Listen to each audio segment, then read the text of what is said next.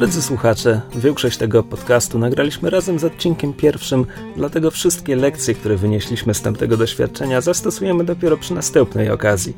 Mimo wszystko, mamy nadzieję, że spodoba Wam się drugi odcinek podcastu Myszmasz. Gospodarzami podcastu Myszmasz są Krzysiek Ceran, redaktor portalu Avalon. Kamil Borek ze studia Kobart. i Mysz, autorka bloga Mysza Mówi.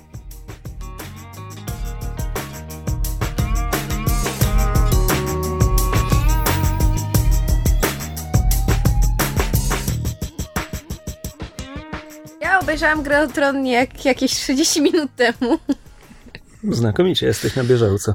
Znaczy na bieżąco, na świeżo i właściwie nie wiem co myśleć, dlatego że oglądając zajawkę, która była na początku, która streszczała te najważniejsze wątki z, z drugiego sezonu, te, które są potem kontynuowane w trzecim, zupełnie nic mi nie dała. To znaczy minęło już na tyle dużo czasu i biorąc pod uwagę, że ja nie znam trzeciej książki w ogóle, to ja nie kojarzę większości postaci, to znaczy tych takich pobocznych, oczywiście pomijając nie wiem, Joffreya i Cersei i Jona Snow i Ja tam w ogóle dalej. mam wrażenie, że między sezonami coś się wydarzyło między sezonami, czego nie pokazali, bo s- ostatni sezon się skończył na tym, że e, sam siedział za kamieniem, kiedy nadciągali e, White Walkerzy.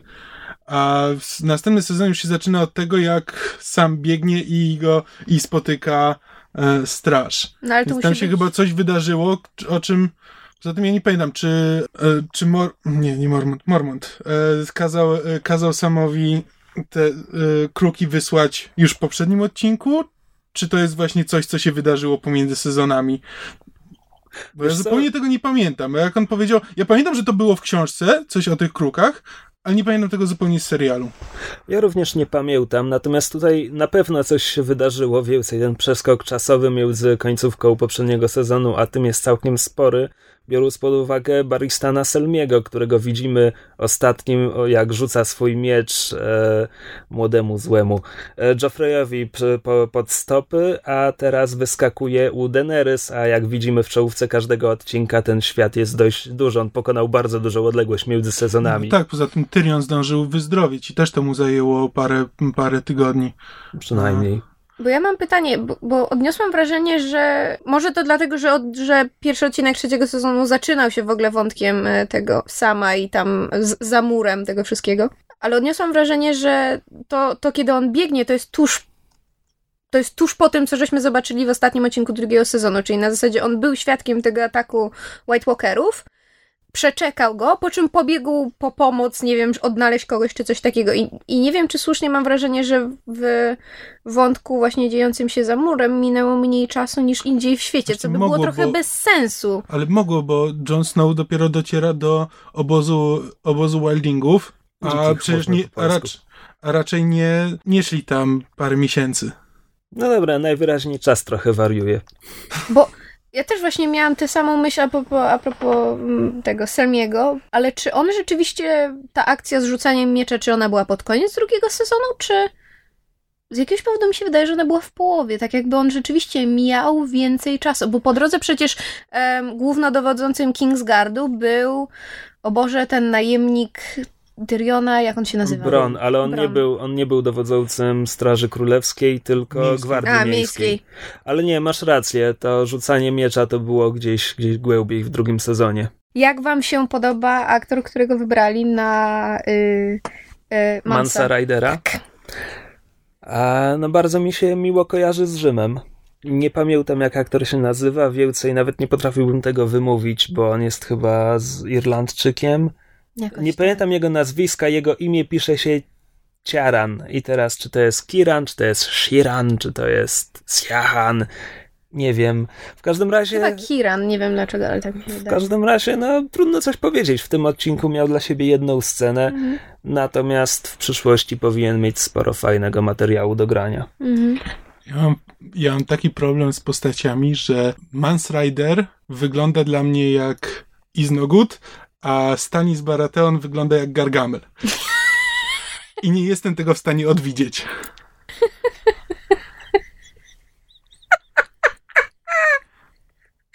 Kto w tej analogii jest smurfami?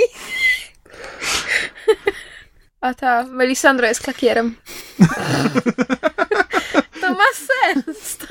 tym jest logika. W tym jest logika. Um, chciałabym bardzo poznać wasze zdanie na temat sceny między Tyrionem a jego tatkiem. Była fantastyczna. No. Z całego, z całego odcinka w ogóle sceny z Tyrionem były najlepsze. A z... można powiedzieć o każdym odcinku. Można powiedzieć o każdym odcinku i to się, to się nie zmienia. A ta była, ta była rzeczywiście, rzeczywiście mocna i nawet zdecydowanie lepiej wyszła niż w książce. To jest zresztą najmocniejszy punkt tego odcinka, a jednocześnie powód, dla którego ten odcinek był moim zdaniem lepszy od pierwszych odcinków pierwszego i drugiego sezonu. W pierwszym odcinku pierwszego sezonu po prostu zostaje przedstawionych tych, nie wiem, 15 postaci. Pierwszy odcinek drugiego sezonu wyglądał tak naprawdę bardzo podobnie. To było pokazanie, yy, kiedy ostatni raz ich widzieliśmy, byli w tej sytuacji i to był cały odcinek. Tutaj natomiast jest trochę dynamiki. Scena Tyriona z ojcem, czy końcówka z zamachem na Daenerys. Tam coś się, coś się dzieje, jest jakaś dynamika. Natomiast jest to kupione tym, że nie widzieliśmy iluś tam postaci z serialu, tak? Nie ma najmłodszych Starków, nie ma e, Jamie'ego i, i Brienne, nie ma... ona. A żadnych Greyjoyów. Znaczy, ja byłam bardzo pod wrażeniem tej sceny. Y, nie wiem dlaczego, z tego powodu, że zarówno Peter Dinklage, o czym rozmawialiśmy ostatnim razem, jest świetnym aktorem, jak i Charles Dance, który gra Tywina, tak, Tywina y, Lannistera. Ale to jest niesamowity aktor. Ja go do tej pory widziałam w kilku serialach i w paru filmach i to jest to jest bardzo specyficzny aktor, dlatego że jego jest bardzo łatwo nienawidzieć. On gra tak on ma tendencję do grania tak strasznych postaci, że ja na niego patrzę i on nawet się nie musi odzywać. I ja po prostu mam ochotę zabić. A jeszcze w tej scenie właśnie między ty, Tywinem a, a Tyrionem, to już po prostu miałam tylko ochotę przytulić Tyriona, dać wpysk Tywinowi i po prostu uciekać stamtąd z krzykiem. A z drugiej strony wiem z wywiadów, że Charles Dance jest przemiłym starszym panem. I bardzo się cieszę, że właśnie, że, że jakby odkrywamy coraz więcej Tywina w, w serialu. Niekoniecznie z dobrej strony. To on, było on ma dobrą fajne. stronę. Tak, i to było bardzo ładnie pokazane w drugim sezonie. Jedna z, jedna z najfajniejszych zmian w stosunku do książek to są jego sceny z Arią. W książkach zupełnie kto inny jest panem na Harrenhalu wtedy, Aria komu innemu służy, a przez wprowadzenie tam Tywina czy Tywina e, właśnie widzimy tę jego nie miękką, ale trochę łagodniejszą stronę. Ja rzeczywiście, ja zapomniałam zupełnie o tych scenach z, z Ają. One mi się bardzo podobały. No to były fantastyczne sceny, tak samo. Ten, to były z, z całego drugiego sezonu mm. sceny rozmowy z Arią były jednymi z moich ulubionych scen. Z jednej strony bardzo mi się podobały wszystkie sceny z Tyrionem i rzeczywiście były, były mocne i silnie zagrane i, i, i świetnie napisane, ale w porównaniu z nimi mam wrażenie, że reszta wypada trochę blado. No bo chyba wracamy tutaj do tego, co powiedziałem na, na początku. Reszta scen po prostu służy przypomnieniu, gdzie akurat znajdują się tamte postaci. Nie ma tam żadnej dynamiki. Znaczy u, u, Denny jest troszeczkę tam się dzieje. U Denny troszeczkę. troszeczkę się dzieje, tak? Mamy tak, komputerowego skorpiona. Ja odniosłem trochę inne wrażenie, bo ja odniosłem wrażenie, że właśnie o ile w pierwszym, e, znaczy w pierwszym sezonie to oczywiście, że musieli wprowadzić postaci, ale potem w drugim sezonie znowu jakby wprowadzali wszystkie postaci od początku, jakby przypominali kto, kto jest kim dosyć dokładnie i gdzie się znajduje. A w sumie w trzecim, w trzecim sezonie już chyba stwierdzili, że kto miał obejrzeć ten serial, to go obejrzał. Nikt i tak cię nie będzie włączał w trzecim sezonie i tylko pobieżnie przypominają, kto gdzie jest, ale dosyć, dosyć szybko przechodzą do akcji i do e, ruszenia naprzód, że to nie jest odcinek, który służy tylko i wyłącznie temu, żeby, e, żeby przypomnieć, co się działo w poprzednich, tylko już się, już się dużo dzieje, no bo i Davos i od razu wraca, e, wraca i, i zdąży wylądować w więzieniu. Masz rację, kompletnie zapomniałem o tej scenie, co chyba trochę świadczy o tym, że nie zrobiła na mnie szczególnego wrażenia. Znaczy, tak, ona była zdecydowanie jakby za szybko poprowadzona i e, przeciwnie niż zazwyczaj w Grze o Tron, ta scena jest przewidywalna praktycznie od początku do końca. To znaczy to, że on przychodzi, konfrontuje się ze Stanisem, potem e, odzywa się Melisandre, która go wkurza, więc on się rzuca na Melisandrę i ląduje w więzieniu. I to jest dokładnie to, czego bym się spodziewał po tej scenie. I myślę, że każdy, kto jakkolwiek e, z, oglądał serial nawet nie znając książki, tego się dokładnie spodziewał i nie ma tu nic, co by, co by mnie w żaden sposób zaskoczyło. Normalnie bardzo by mnie denerwowała taka postać jak właśnie Davros, który jest, który Davos. jest, Davos. Davos, przepraszam. Normalnie postać typu właśnie Davosa by, by mnie bardzo denerwowała z tego względu, że takie ślepo lojalne postacie, które ryzykują wszystko dla jakiejś, e, prawda, e, osoby, o której wiedzą, że źle postępuje, tak jak w, w tym wypadku Davos ryzykuje wiele właśnie, żeby pozostać wierny Stanisowi to, to gra tego aktora e, właśnie w roli Davosa bardzo mnie przekonuje do, tej, do, do motywacji tej postaci, wbrew, wbrew temu, co, co normalnie bym czuła.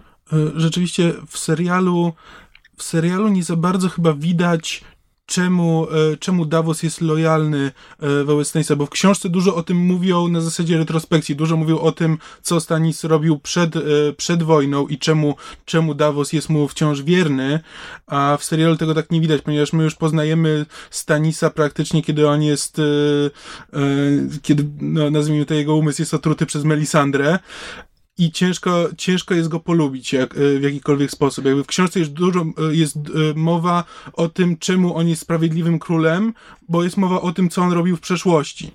Więc ta lojalność Davosa jest, może ma trochę więcej sensu. W serialu nie za bardzo to widać. Tak, w momencie, w którym mamy, widzimy nawet łagodną stronę Tywina, Stanis jest przedstawiony bardzo jednoznacznie. I chyba pod tym względem jest unikalny w serialu. Właśnie gdzie... to jest bardzo dziwne, bo naj, na, najciekawszą właśnie stroną Stanisa w książce było to, że on to robi tylko i wyłącznie z poczucia e, sprawiedliwości i z poczucia tego, że takie jest prawo i tak powinno być. A w, w serialu e, to właśnie bardziej wychodzi na to, że on jest już lekko ogłupiały przez Melisandrę i to nie jest kwestia jego przekonań, tylko kwestia e, Parcia na koronę. tak, dokładnie. I z, brakuje mi tej strony Stanisa. Nie widać tego zupełnie w serialu. No dobra, to może na koniec parę słów, e, parę słów o tym, jak właściwie oceniamy ten odcinek. Eh, tak zwany mech. Dla mnie był porządny, nic nadzwyczajnego. Inaczej, miał bardzo fajną scenę z Tyrionem i jego ojcem i to podbija moją ogólną ocenę odcinka. Gdyby tego nie było, gdyby tego wątku nie było, to byłby bardzo nijaki. A właśnie jestem w takiej dziwnej sytuacji, że ja jak oglądałem ten odcinek, to mi się strasznie podobał.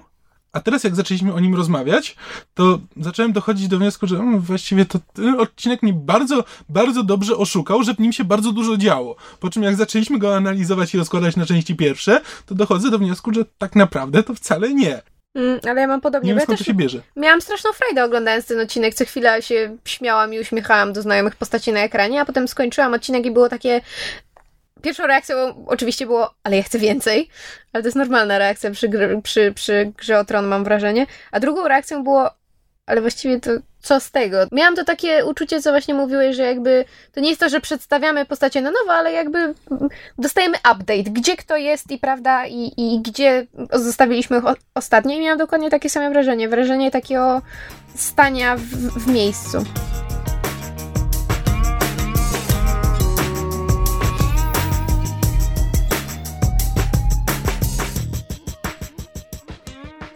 Graliście w tego nowego Tomb Raidera? Kamil już przeszedł. Ja szczerze grałem przedwczoraj ostatni raz i wydawało mi się, że już przechodzę końcówkę, bo jest poziom, w którym jestem w wielkiej starożytnej japońskiej fortecy, która płonie dookoła mnie i napięcie po prostu Nie, z minuty na minutę rośnie i tam jeszcze w pewnym momencie dostaję granatnik i to jest, ojej, tam cała historia feminizmu i ten kobiecy empowerment jest po prostu zamknięty w scenę, w której Lara przyczepia granatnik do karabinu i zaczyna wyzywać e, tych zbirów, którzy pomiatali nią dotąd przez całą grę. Nie, to jest naprawdę bardzo mocny moment. Nice. Banalne to jest, ale bardzo działa na gracza. Nice. Tak, jakby opinie mamy chyba z, różniące się, bo ja, o ile mi się przyjemnie w to grało, to jakby przeszedłem tą grę i potem o niej szczególnie nie myślałem. Ja nie grałem w Uncharted, w którego kierunku bardzo ten Tomb Raider poszedł, jeśli wierzyć opiniom Tak, internetowym. Ja akurat grałem i to jest, to jest prawda, ale właśnie nie poszedł. mm, Znaczy, zrobił z tego Uncharted, tylko też jeszcze wrzucił moim zdaniem na siłę otwarty świat. Znaczy bieganie tam po świecie i zbieranie, zbieranie e, figurek e, i co tam jeszcze można tylko zbierać, na mnie nie robi wrażenia, szczególnie, że tak naprawdę e, nie, nie potrzebowałem tego te doświadczenie, które zbierałem, punkty doświadczenia, które zbierałem przez całą grę spokojnie mi wystarczyły do wykupienia upgrade'ów, które potrzebowałem i na które miałem ochotę i wcale nie potrzebowałem zbierać tych znajdziek i nie miałem na to, nie miałem na to ochoty, bo w żaden sposób mnie gra do tego nie zachęcała, ani nic ciekawego nie było z tym związanego. Może te ukryte groby i łamigłówki logiczne to jeszcze okej. Okay to było w porządku, ale cała reszta znajdziek dla mnie zupełnie jest e, bez sensu i no, nie widzę, nie widzę powodu, dla którego one tam są. I gdyby to była gra właśnie liniowa, tak jak Uncharted, yy, gdzie po prostu cała ta fabuła jest po prostu zbita i cię prowadzi, prowadzi od początku do końca, to miałbym o tej grze yy, zdecydowanie lepsze, lepsze zdanie. Dobra, po pierwsze, ja nie grałem w Uncharted, więc nie mam tego porównania. Po drugie, ja w ogóle nie gram zbyt często w gry akcji, więc na przykład, nie wiem, Far Cry, który podobno był super pod względem gameplayu, zupełnie nie wiem o co chodzi i tak dalej. E, w Tomb Raiderze jak dla mnie jedną z największych zalet tej gry jest, jest Lara, bo podoba mi się to, jak jest napisana, podoba mi się to, jak jest zagrana przez Camille Luddington, która dała jej głos, aktorka znana z Trublada z roli wróżki, której imienia nie pamiętam. Okej, okay. pamiętam, ale to mowa. Ja też nie.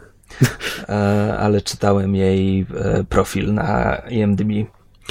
E, w każdym razie, no więc to mi się podoba w Tomb Raiderze, natomiast y, wydaje mi się dużą przesadą nazywanie tego otwartym światem. To znaczy, okej, okay, tam możesz pobiec trochę w bok, możesz się cofnąć do etapów, które już przeszedłeś, ale to nie jest świat bardziej otwarty niż, nie wiem, w Batman Arkham Asylum. No, Batman Arkham Asylum też był otwarty świat. Znaczy, no to jest, może to nie jest sandbox, ale jest otwarty świat. No, w sensie nie prowadzi cię poziom za poziomem, tylko możesz zawsze wrócić do momentu. No to jest otwarty otwarty Dobra. świat, a sandbox to jest taki, w którym masz dużo do roboty w tym świecie i możesz się nim bawić. Okej, okay, no. inaczej. No więc mówisz, że wolałbyś, gdyby Tomb Raider był jeszcze bardziej liniowy, ale znaczy, przecież... Gdyby nie kazał... Gdyby ale on ci nie... nigdy nie każe iść w bok. Zawsze możesz iść prosto po linii. Znaczy, e, tak, znaczy nie wiem, ja w ogóle mam takie podejście do znajdziek, bo nawet właśnie w tym Bioshocku teraz miałem, te, miałem cały czas to wrażenie, że jest scena, w której Mysz jest bardzo cicha tak. w tej rozmowie, w tej części rozmowy. Ja się poprawiam na krześle. tak, tak. E, ja mam dosyć złe podejście do znajdziek, bo po prostu uważam, że one e, odciągają uwagę od, e, odciągają uwagę od fabuły i na przykład jak miałem w Bioshocku jest scena, w której Elizabeth, to, to, towarzyszka przez całą grę tam się no, denerwuje, już nie, nieważne dlaczego, już nie będę, nie będę teraz wchodził w fabułę, ale się denerwuje, ucieka, trzeba za nią gonić.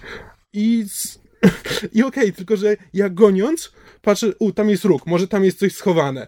I są tam jakieś, i można tam coś znaleźć. I zamiast za nią gonić i zamiast brać udział w, w mocnej jakiejś scenie, to zupełnie mnie to wytrąca, wytrąca z rytmu i zaczynam szukać, y, szukać, czy tam przypadkiem nie jest ukryte jakiś, e, jakaś znajdźka, trochę amunicji, czy co tam jeszcze można znaleźć. Czyli sam fakt, że w grze jest coś do znalezienia, nawet jeśli na tym ci nie zależy, powoduje, że nie możesz się skupić na głównej fabule i idziesz gdzieś w bok. Znaczy tak, że jeśli, okay, jeśli znajdźki mają nagradzać eksplorację, to okej, okay, tylko niech to, niech to robią na przykład tylko w momentach, kiedy właśnie jestem w otwartym świecie poza tym głównym, e, poza głównym wątkiem fabularnym i nic się, nic się nie dzieje w fabule, wtedy mogę sobie pochodzić po, po mieście, pooglądać widoki, e, popatrzeć jak to wszystko jest zrobione i przy okazji coś pozbierać. Ale jeśli, jeśli to wpływa na to, że ja podczas, e, podczas sceny, w której powinienem uczestniczyć aktywnie cały czas, co się dzieje?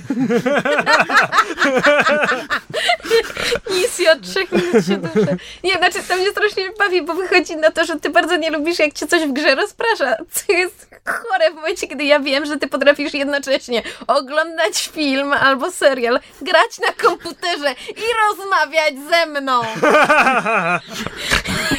Więc znaczy, nie rozumiem. Przede wszystkim jest... mam wrażenie, że to jest bardziej problem twój niż gry. Tak. E, tak, nie, ja mówię, że to jest, to jest moje odczucie po prostu. I akurat na przykład, y, to zależy. Ja z, rzeczywiście bardzo często jak gram, y, gram w grę, to z, jednocześnie oglądam, y, oglądam serial, ale na przykład nie w, nie w Bioshocku. Jeśli wiem, jeśli fabuła jest dla mnie ważna, jeśli jestem, jeśli w ogóle w grze fabuła jest ważna, to wtedy przeszedłem całego od początku do końca po prostu z, tylko, tylko i wyłącznie skupiony, skupiony na tej grze i nic, nic dodatkowo nie robiłem.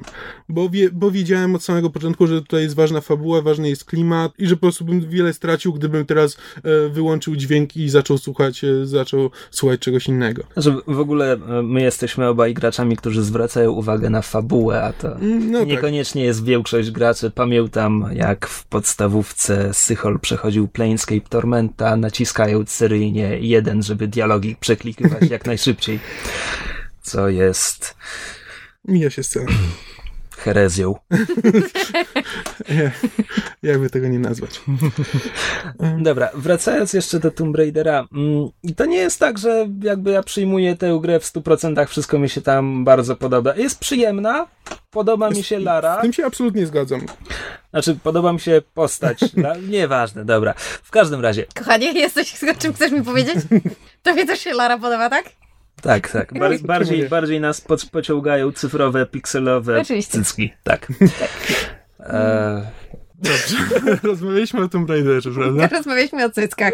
Oczywiście, że przy rozmowie o Tomb Raiderze musiała zejść, zejść na cycki. No tak, oczywiście mówimy o Larze Croft, musimy mówić o piersiach Lary Croft, natomiast w tej części ona nie jest zupełnie, nie jest w ten sposób seksualizowana. Nie, wiem, widziałam, widziałam i recenzje i hmm. wywiady. Spoko, wszyscy rozumieją o co chodzi.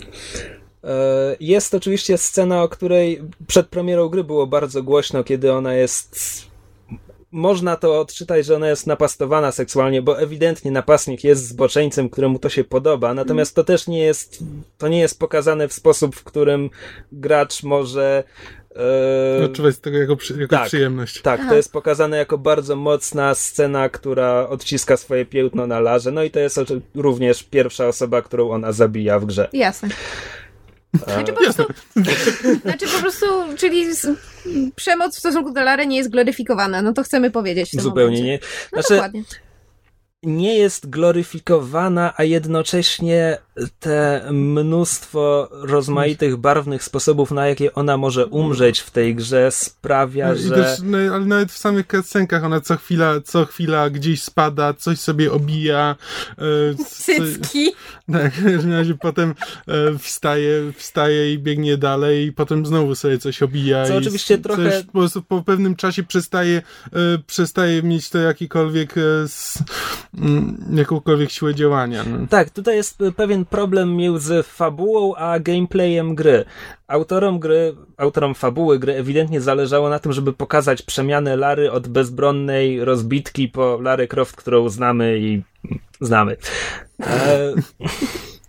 Natomiast gameplay ma swoje wymagania. Gracz chce postrzelać od choćby Lara pierwszą godzinę spełdza bez pistoletu, a pierwsze ileś minut w ogóle bez żadnej broni. Mhm. No ale jak już tylko dostaje ten pistolet, okej. Okay, Pierwszy, pierwsza śmierć, którą zadaje, to jest właśnie ta mocna scena. Ten facet ją napastuje, dusi i, i ewidentnie się tym jara.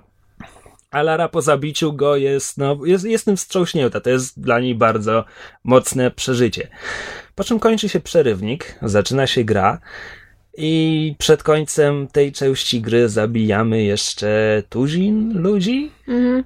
No i to się. Jasne. Potem w przerywnikach to jest jeszcze podkreślane, że to nie jest Lary łatwe, no ale to są przerywniki, a gameplay tak, ma swoje wymagania. zabija zabija 100, ludzi, po czym jest przerywnik o tym, jakie to jest straszne, że ona musi zabijać na tej, na tej znaczy, wyspie. No, ale 100, 100 to przesada, znaczy na pewno no, na tym etapie gry już zabiłem ze 100, ale na początku, zasadę, no. na początku to jest jeszcze w miarę dawkowane. Znaczy, to jest tak, ta tak. grupka, która stoi znaczy, konkretnie to... na jej drodze do ucieczki.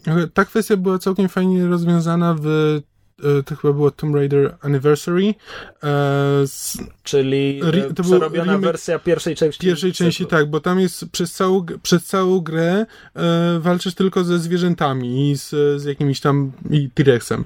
E, T-Rex też zwierzę. E, tak, w każdym razie z, Do walczysz... serca przytul psa, weź na kolana w kota. Głównie atakują, głównie atakują cię zwierzęta. T-Rex też istota. I na koniec, na koniec dopiero z, e, na koniec dopiero z, po raz pierwszy e, spotykasz, e, spotykasz tam, ja tam cię zdradzę, jakiś tam facet, już nie pamiętam dokładnie o co chodziło, w każdym razie i dopiero, dopiero na koniec jest scena, w której ona po raz pierwszy, po raz pierwszy kogoś zabija. I to jest jakby całe wprowadzenie, wprowadzenie jakby do serii. Czyli rozumiem, że Lara nie ale... ma sceny pod tytułem She shot a man in Reno just to watch him die. nie, właśnie tutaj, nie, rzeczywiście tam była dosyć mocna, dosyć mocna ta scena i, z, no ale w tej, żeby się nie dało, bo by było po prostu za nudno, jakby cały czas walczył ze zwierzętami, po prostu jakby mm, specyfika gry wymagała tego, żebyś walczył no jednak z ludźmi. Znaczy, nie, no, przecież to, to, co właśnie powiedziałeś, świadczy o tym, że da się to tak zrobić, no tylko gdyby gra była zaprojektowana no tak, tylko że, gra była, tylko, że gra była przede wszystkim krótsza yy, i jakby polega, i to była bardziej yy, z, znaczy, Pierwszy platformówka. Był, pierwszy Tomb Raider był krótszy od tego najnowszego? Mm, no, nie no, prawie na pewno tak. Znaczy, wyrażam zdziwienie, bo po prostu ostatnio te wszystkie blockbustery, tytuły, tak, tak zwane produkcje AAA, zasadniczo są coraz krótsze i kupujesz taką grę i przechodzisz no, ją. Ile dni zajęło ci przejście Bioshocka Infinite? E, trzy. No właśnie, dziękuję. E, nie no, ale w każdym razie um, bo to była jakby inna gra, bo to przede wszystkim była e, z, platformówka, platformówka że, Tak, platformówki i łamigłówki. To, na tym się skupiła gra, a walka ze zwierzętami, no to było od czasu do czasu coś ci wypadało z za rogu. To jest kolejne, jakby, jak mówiłem, nie grałem w stare Tomb Raidery, znaczy widziałem je, tak, bawiłem się nimi przez kwadrans mniej więcej. Natomiast w cyklu, który słynął z tych zagadek, z tego, że twoim, że gracz zmaga się ze środowiskiem, a nie z konkretnymi przeciwnikami, tutaj mamy reboot tego cyklu, tutaj trzeba wyrżnąć setki tych przeciwników, a tytułowe, tytułowe grobowce to są, są opcjonalne, tak? Mamy na całej no tak. wyspie siedem krypt, w których są y, chyba w każdej zagadka sprowadza się do jednego pomieszczenia. To nawet nie jest tak, że tam trzeba przebić się przez jakiś labirynt czy coś. Wchodzisz do jednej groty, masz tam jeden konkretny problem, z dość banalnymi rozwiązaniami. Znaczy, okej, okay, jestem, nie wiem, w połowie gry, ty wiesz lepiej, ty skończyłeś, ale przeszedłem już trzy czy cztery te krypty i w żadnej nie miałem żadnych problemów, ani jestem szczególnie sprytny, kiedy przychodzi do problemów logicznych w grach. Nie, no, nigdy tam nie było. Znaczy, też jakby nie, nie przechodziłem wszystkich e, tych opcjonalnych grobów, więc e, tam tylko, tylko parę, parę próbowałem i nigdy to nie było, nie, nie zajmowało mi to dłużej niż tam, nie, nie wiem ile nawet, no ale w każdym razie nie było tak, że się zaciąłem i nie wiedziałem co robić, tylko no to rozwiązanie tam parę, parę chwil mi zajęło i, i dalej. Wracając jeszcze do dysonansu między przerywnikami a gameplayem, jak mówiłem, autorzy chcą pokazać przemianę Lary, jak mówiłeś, Lara się obija, spada, po prostu jest tak maltretowana niesamowicie fizycznie. Na samym początku gry zostaje przebita prełtem. Mhm. Przebija sobie bok, tak? Tisbate Flash Wound.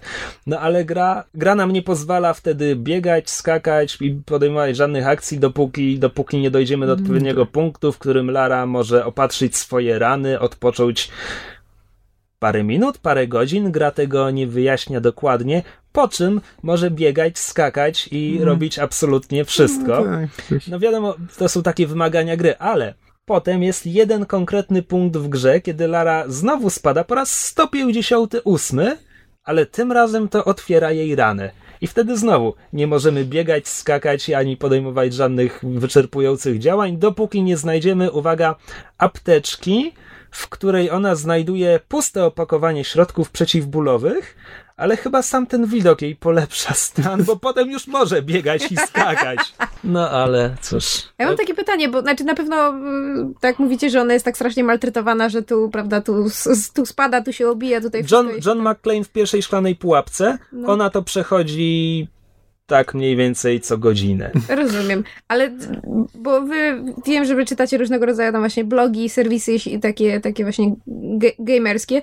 Na pewno się pojawiły głosy, że właśnie to znęcanie się nad Larą to jest oczywiście znowu mężczyźni się znęcają nad kobietami. A jestem ciekawa, to... czy pojawiły się głosy, że właśnie to zostało w ten sposób, um, że tak powiem, opracowane właśnie dlatego, żeby pokazać, że Lara to jest ta prawda silna baba, która nie da sobie, prawda, znaczy, to, to, nie jest, to nie jest jakoś szczególnie ukryty przekaz, więc oczywiście, że ta, ta informacja się pojawia, że tutaj widzimy, jak Lara zamienia się w tę bohaterkę.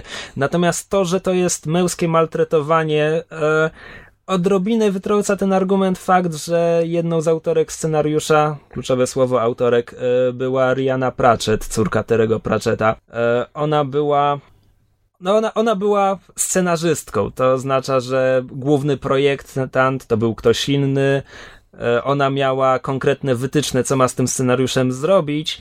Natomiast jakby to nie jest tak, że sam grupka facetów siedziała w pomieszczeniu i myślała o tym, jak, jak zmaltretować ma Jasne. Larę. I to brzmi bardzo źle. Słuchaj, to co oni robią w zaciszu swoich pokoi, to jest ich sprawa. My się nie będziemy wtrącać. Czyli ile, ile mi jeszcze gry zostało od tej płonącej twierdzy? Podejrzewam, że jeszcze, że jeszcze ćwierć pewnie. Jeszcze ćwierć. Okej, okay, okej, okay, nieźle. Nie, po prostu zdziwiłem się, bo tam napięcie było tak budowane, że spodziewałem się, że już nastąpi główna konfrontacja. trochę więcej, ale, że... ale tak, ja też tak miałem. Te, pamiętam ten moment i że też właśnie się spodziewałem, że to już, to już powoli dąży ku, e, ku końcowi, a bo potem jest znowu e, bo to w sumie najbardziej... i znowu się buduje od początku. O, zapomniałem wyłączyć komórki. Brawo. Fantastycznie, bardzo, bardzo profesjonalnie. Brawo. No myśmy pamiętali, a ty zapomniałeś. E, czemu nie? A teraz rzucił na kanapę i sprawdź. Tak, wyłącz dźwięk i rzuć na kanapę. Razem do naszych telefonów. Jakie to fantastyczne uczucie. Przed, y, prawda, rozpoczęciem nagrywania myśmy z Krzyśkiem... Naprawdę będziemy tym tak, katować słuchaczy? oczywiście, że tak. I tak, to się wytnie. Czy możemy w to grać jak w bóle? Mogę celować teraz w wasze, wasze telefony, żeby je zrzucić z kanapy? Proszę bardzo. Uuu! Trafiłeś e, obie. Dobra, czyli e, Tomb Raider. A, właśnie. E, spodziewałem się, że, że zbliżam się do końca, bo gra w ten sposób zwiększa bardzo napięcie w tej sekwencji. Dookoła płonie ten budynek. To jest jeden z bardziej, jedno, jedna z bardziej imponujących scen, czy środowisk, w, który, w których się obracamy w tej, w tej grze. E, no i po prostu spodziewałem się, że, że to już koniec. Ale ponieważ gra mi się bardzo przyjemnie, to bardzo się cieszę, że jest tego więcej. No, jest, jest, jeszcze całkiem sporo z tego, co pamiętam. Nie, nie, nie wiem dokładnie ile, ale na pewno jeszcze przynajmniej ćwierć, może nawet więcej. E, chyba krótko, krótko później jest pierwsze takie bardzo otwarte mrugnięcie okiem do widza, kiedy Lara po raz kolejny od tam pewnej ojcowskiej figury otrzymuje przekaz, że, że przecież jest croftówną, to brzmi lepiej po angielsku. E, you're a croft. E, I kamera kieruje się tam, odkładają swoją broń, którą w tym momencie trzy, oboje mają po pistolecie, i w pewnym momencie kamera kieruje się na dwa pistolety, tak? Czyli trademark Larry Croft, którym nie, nie posługujemy się w tej części, nie ma, nie ma takiej broni jak podwójny pistolet. I to było jakby takie pierwsze, bardzo, bardzo oczywiste mrugnięcie okiem, przynajmniej takie, które rzuciło mi się w oczy. Hmm. Ja wcale nie, wcale nie ma ich tak dużo. Właśnie, I to znaczy, mi ja się też, podoba. Ja nie znam się dobrze na tym, y, tym Raiderach. Tam też grałem kiedyś tam w pierwszego czy drugiego, nawet nic z tego szczególnie nie pamiętam. Grałem teraz odkąd Crystal Dynamics przejęło, to chyba grałem w każdego Tomb Raidera, czyli w te nowe, ale w każdym razie nie, zau nie zauważyłem wiele, ani pojawiały się żadne tam te korporacje, które były głównymi e, przeciwnikami, ani nic. W każdym razie to jest zupełnie jakby od, osobna historia i właśnie takie są tylko nawiązania na nawiązania drobne. Wciąż czekam na to, jak zakończy się ten wątek nadnaturalny, bo na razie to może pójść w dwie strony. Wciąż nie wiem, czy... Też znaczy, cały czas na w, cyklu, w cyklu Tomb Raider oczywiście mamy magię, jakieś demony, e, nie wiem, czy dinozaury były magiczne, czy nie. Natomiast tutaj e, do tego momentu, no poza tym, że pojawiają się jakieś giganty, ale nie widzimy ich nigdy wyraźnie, więc bardzo długo fabuła jest prowadzona tak, że to może się okazać mhm. tak, ta wyspa jest magiczna, a równie dobrze to może być jakaś sztuczka jak ze Scooby-Doo. Nie ma zbyt wielu przesłanek za jednym i drugim, także ja mogę zgadywać. To nie jest tak, że mogę się domyślać na podstawie tropów, które rzucają mi autorzy, bo po prostu nie ma ich wystarczająco wiele. Ty e, miałeś już katastrofę samolotu? Ma, tak, no jest katastrofa samolotu, w której słychać głos z nieba. No Okej. właśnie. Ja od tego momentu już stwierdziłem, że no, to jednak chyba musi być. s- Gdyby to było Scooby-Doo, to nadal dałoby się to wyjaśnić. Ty się znasz na starych kreskówkach i tak dalej w miarę. E, lepiej ode mnie. Był kiedyś crossover Scooby-Doo i Batmana. Animowany. Animacja. Okej, dobra, czyli nie wiesz o tym. Znaczy, ja nie jestem stuprocentowo pewien, ale widziałem jakby kadry w internecie. Znaczy, nie tak- wiem, czy to prawda, czy manipulacja. Myślałem, że wiesz. Nie słyszałam o tym. I wouldn't be surprised, biorąc pod uwagę, że wiem, że bodajże Lobo trafił, tr- Lobo albo Deadpool trafił do świata z e, e, Archie Comics. A tak. Co No, wiem, Punisher. Punisher. Punisher, Punisher, dziękuję. Wiedziałam, że któryś z tych trzech. Lobo. Jak gdyby Lobo tam trafił. Uu, to by się działo. E, No, bo też miał jakieś w każdym razie to akurat wiem z oglądania tego e, serialu AMC Comic Book Man. A tam nie wspominali o crossoverze Scooby-Doo i. Batmana, a myślę, że by wspomnieli. Ale może, kto wie. No nie, może, może to fałszywka. Natomiast e, nie czytałem komiksu Archie spotyka Punishera, ale czytałem jego recenzję i podobno kiedy już się przyjmie spotkanie tych dwóch niekompatybilnych światów, komiks podobno ma sens. Tak, nie, Tylko, podobno jest, trzeba podobno by było znać fajny. Arciego, a jednak w Polsce to nie nigdy. Ja znam bardzo dobrze Arciego, ale... No, ale ty, ty się Ale ja zawsze ja. interesowałaś amerykańską kulturą, a mimo Znaczy, wszystko może inaczej, ja Polsce- mam nawet komiksy Arciego do Polski w domu. tak naprawdę nigdy nie trafił. No, więc, Nie, To to, jest prawda. prawda. No, tak. Ciężko To, co mnie ocenić. najbardziej zaskakuje, to to, że on jest wciąż wydawany, że wciąż jest na to rynek. Tak, oczywiście. Nawet ostatnio Je, wprowadzili... ale to jest, to, to jest franczyza, to jest nawet nie, no nie, dobra, pewnie jest więcej, nie, na pewno jest więcej tytułów o X-Menach niż o Archim, ale tytułów o Archim jest dużo, jest zaskakująco dużo. Jest dużo i on też ma swoje własne, że tak powiem... E, Uniwersum. Tak, uniwersum i to nie jest tak, że jest prawda wydawane, tylko jest Archie, w sensie, że i jego No jakby tak, ten tak, tam Archie, jest Jackhead, Jacket, Betty, Weronika. Weronika, tak, jest jeszcze tam Moose chyba też ma własny, bo jest tam jeden z tych takich mięśniaków, który tam jest. E, A skoro już e, Archie spotkał Punishera, to teraz czekam na komiks e, Punisher zabija uniwersum Archiego. Był komiks Punisher Kills the Marvel Universe. E, informuję naszych słuchaczy, jakby nie wiedzieli. jakby nie wiedzieli. No Wujek tak. Google służy.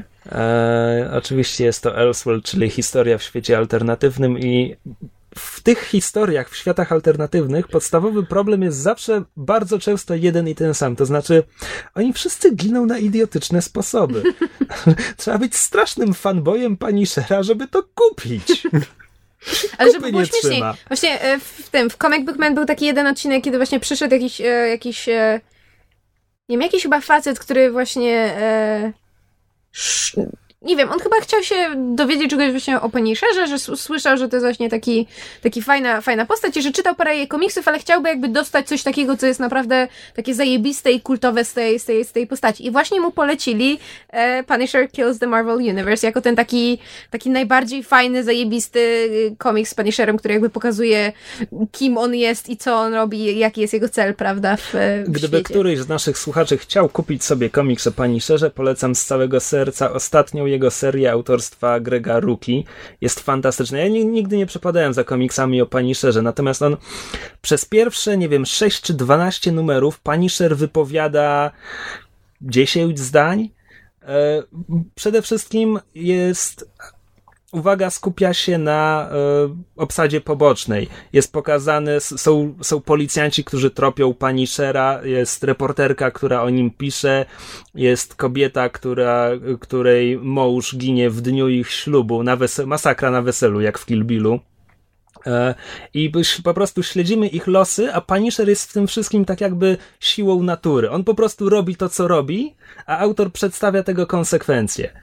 I to, to jest fantastyczne. Ta seria niedawno, niedawno się zakończyła, miała w sumie kilkanaście zeszytów. Bardzo fajna rzecz. No. No, Dobrze, dobrze wiedzieć. to zabiłem rozmowę. Nie no, zaraz, zaraz znajdziemy Za dużo, za dużo fachowej wiedzy. Za dużo fachowej wiedzy.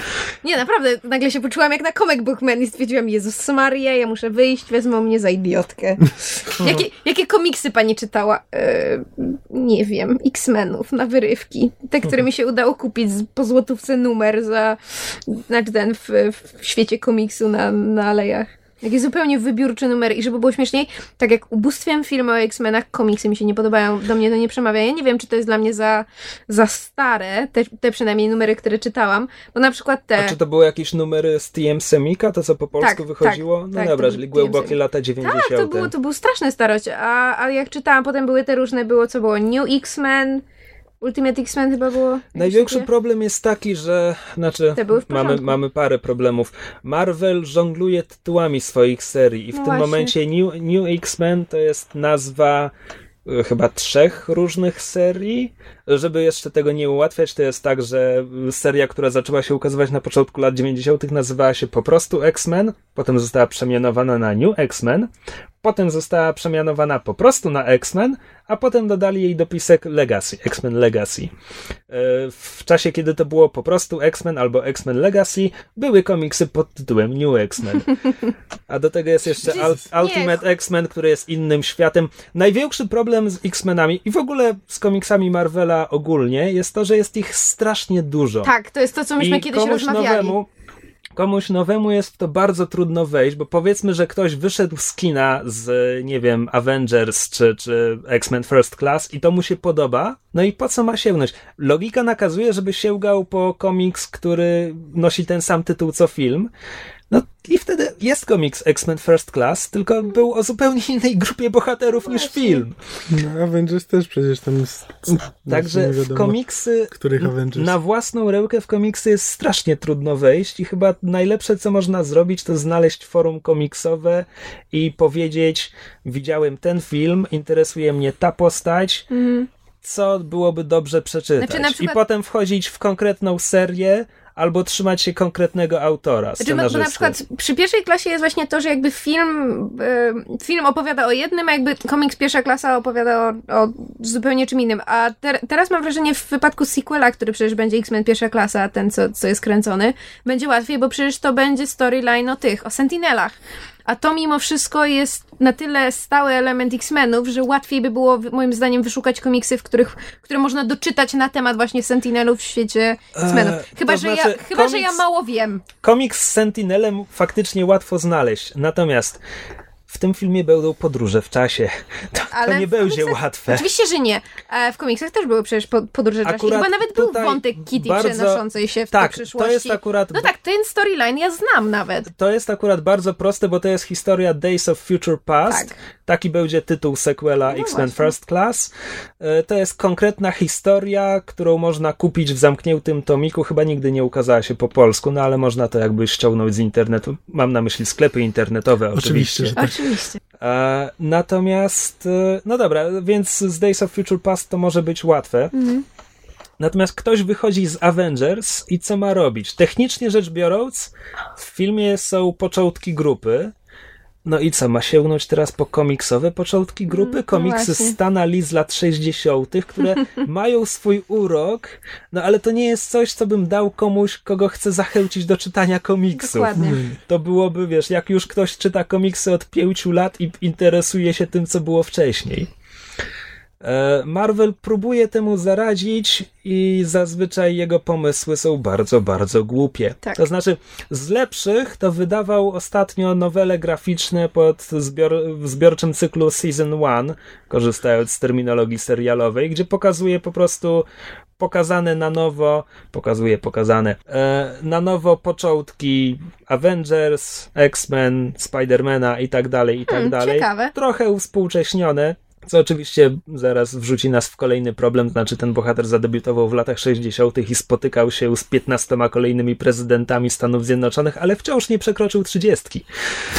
Tak no ale pewne rzeczy w komiksach trzeba po prostu przyjąć na wiarę. Natomiast inna, inna inicjatywa to są komiksy Point One, która jest koszmarnie idiotyczna, to znaczy w normalną numerację zostaje nagle wrzucony numer powiedzmy 143 przecinek jeden. I to oznaczenie przecinek jeden ma oznaczać, to jest dobry punkt startowy. Możesz sięgnąć po ten numer, będziesz wiedział wszystko o postaci i potem dalej możesz czytać komiksy z tej serii. Idea jest w miarę niezła, tylko że samo takie wrzucanie czegoś takiego jest, jest bardzo chaotyczne mm.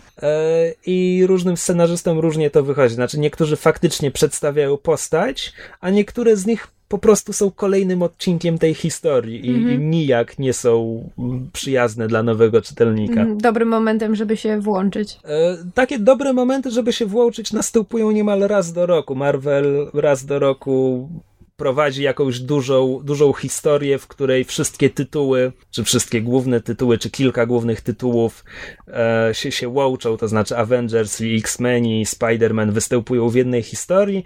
Zazwyczaj po takiej historii następuje jakaś drobna zmiana status quo, która zazwyczaj przetrwa co najwyżej do następnego takiego dużego letniego wydarzenia ale za każdym razem po takim, po zakończeniu czegoś takiego jest albo przetasowanie scenarzystów, albo rusza jakaś nowa seria i to są dość dobre punkty, żeby zacząć. Mhm.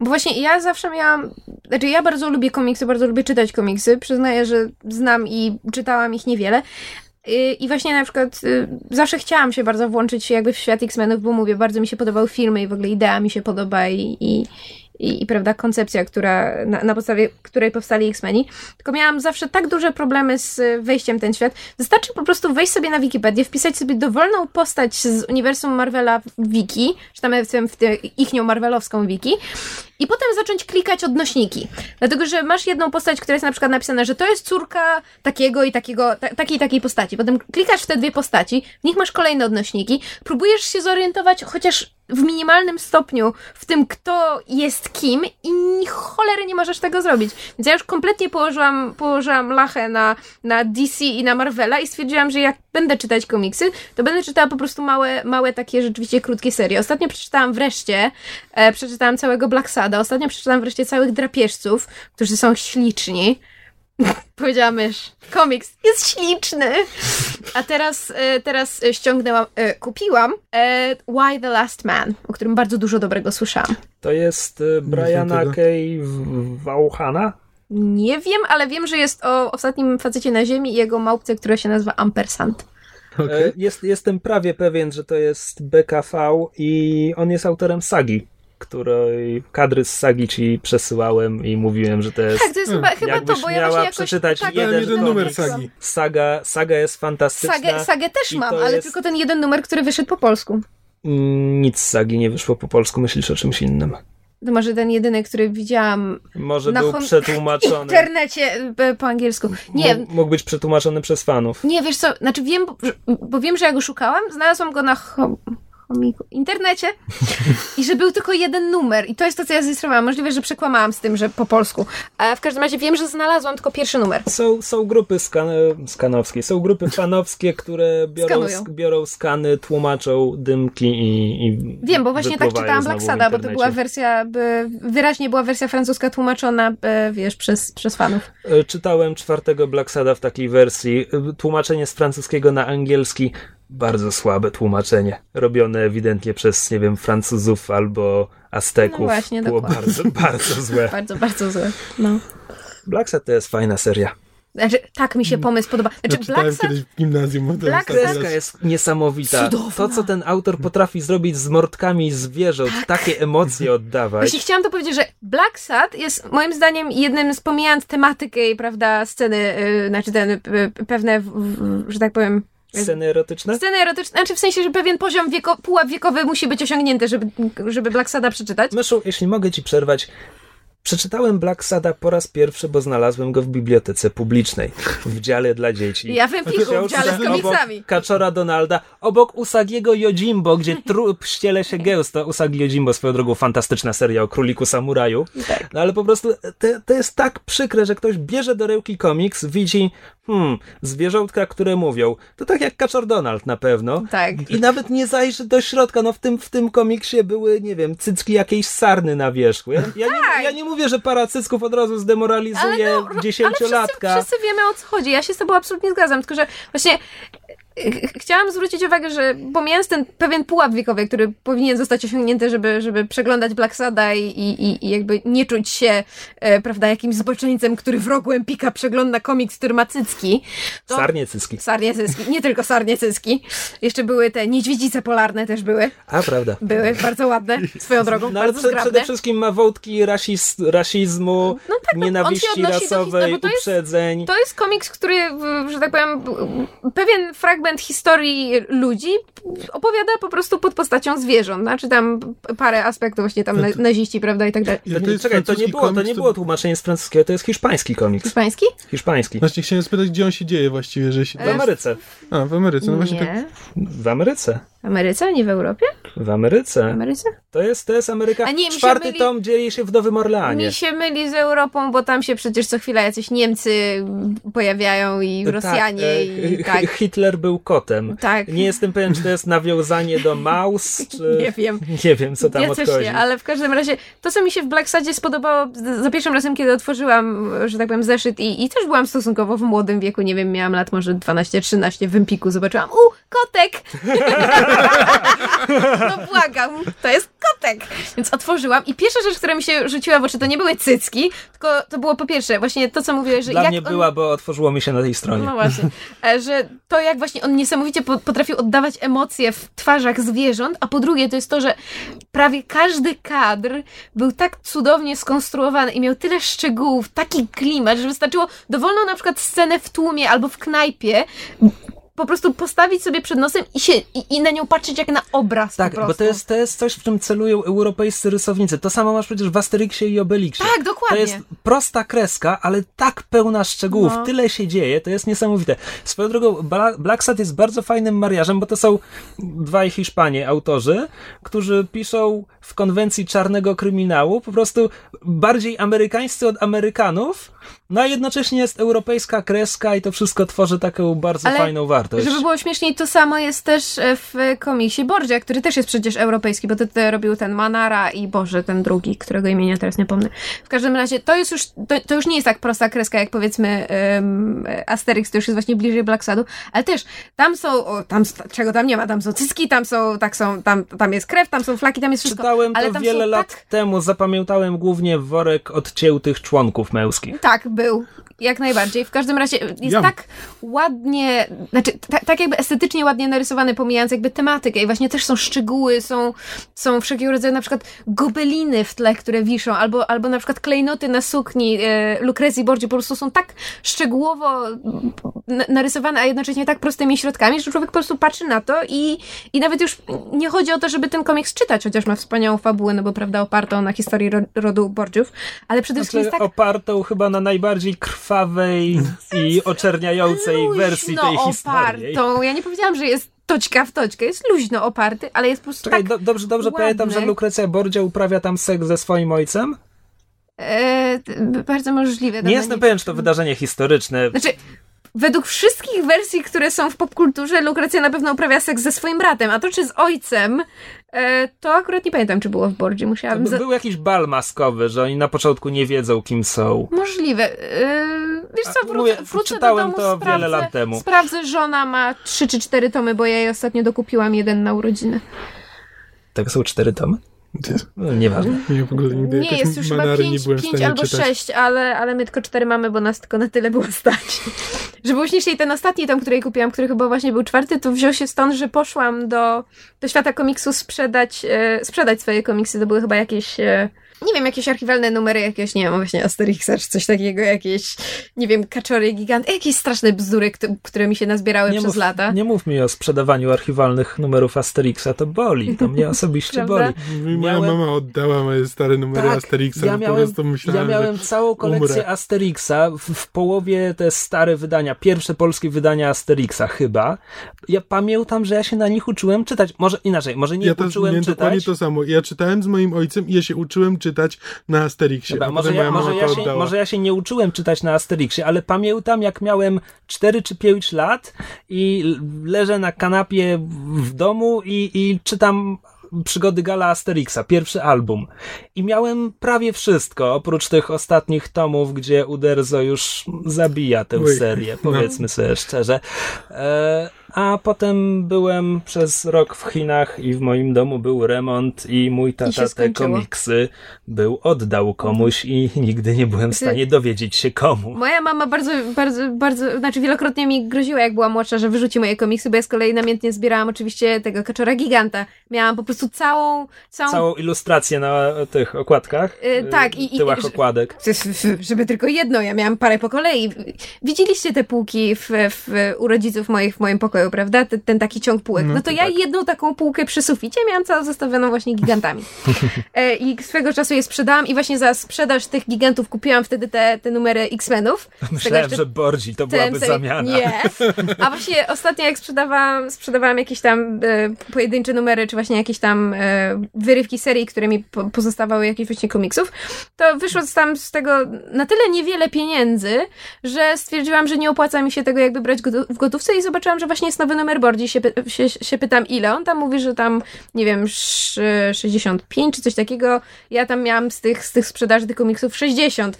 No tak spojrzał się na mnie, ja się tak na niego spojrzałam, zrobiłam oczki, ale jelonek Bambi, on stwierdził, dobra, masz.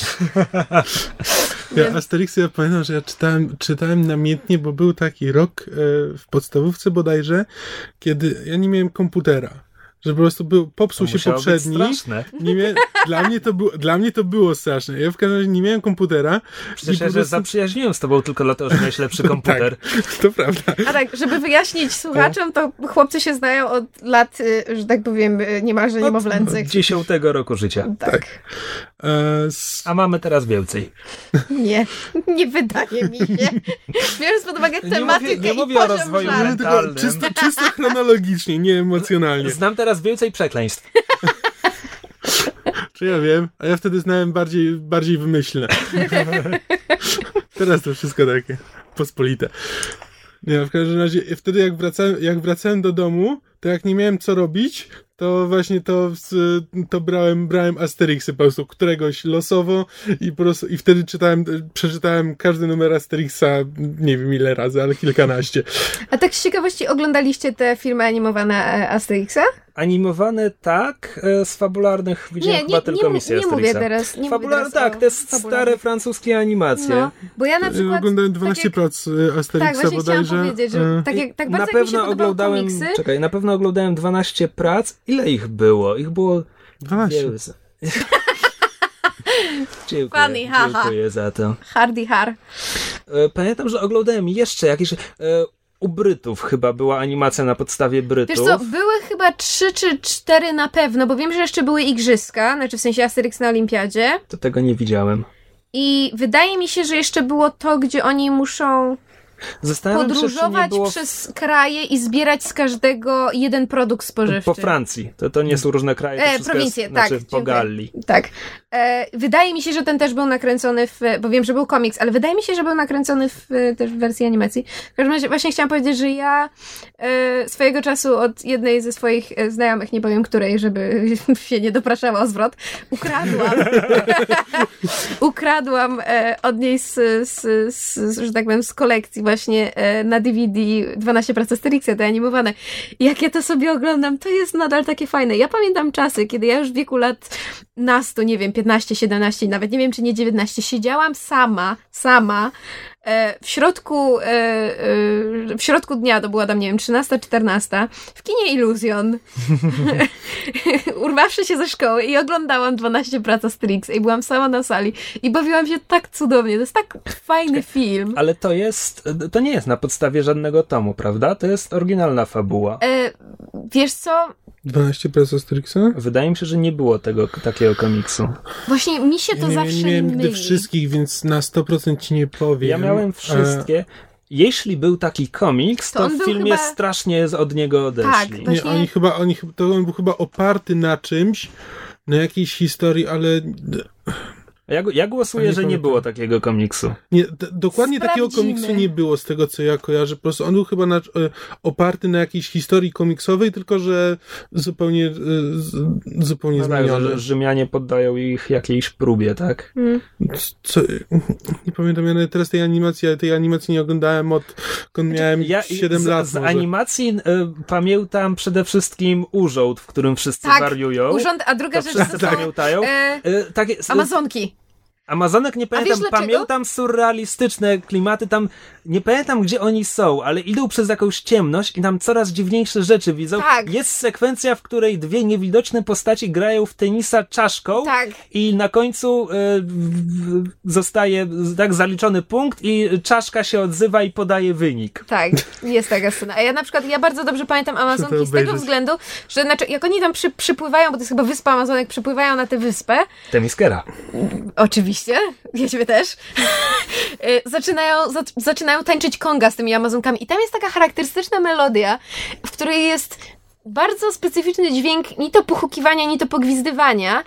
Taki bardzo jak, jak, jak, y, jak na przykład, jak są takie gliniane ptaszki, w które się dmucha. Jest taki bardzo charakterystyczny dźwięk. I ten dźwięk i ta piosenka, mimo że w tym momencie jej oczywiście nie zanucę, on mi się śnił po nocach przez lata i ja nie wiem dlaczego, ale tak wyraźnie to pamiętam i ta scena do dzisiaj, jak ją oglądam, ona w jakiś sposób mnie może nawet nie tyle przeraża, co w każdym razie spra- wprawia mnie w takie poczucie em, pewnego niepokoju. Znaczy, Ja kiedy ostatni raz to oglądałem, byłem jeszcze mały i też pamiętam, że to nie jest tak, że się tego bałem, ale to było dziwne. To, co Tak. było na ekranie, było bardzo dziwne. Ale są takie sceny, bo ja na przykład miałem, ja pamiętam, że jak oglądałem e, po raz pierwszy Beetlejuice'a, e, i to nawet, ja wtedy nie- oglądałem, nie wiedziałem nawet co oglądam, tylko po prostu trafiłem na fragment.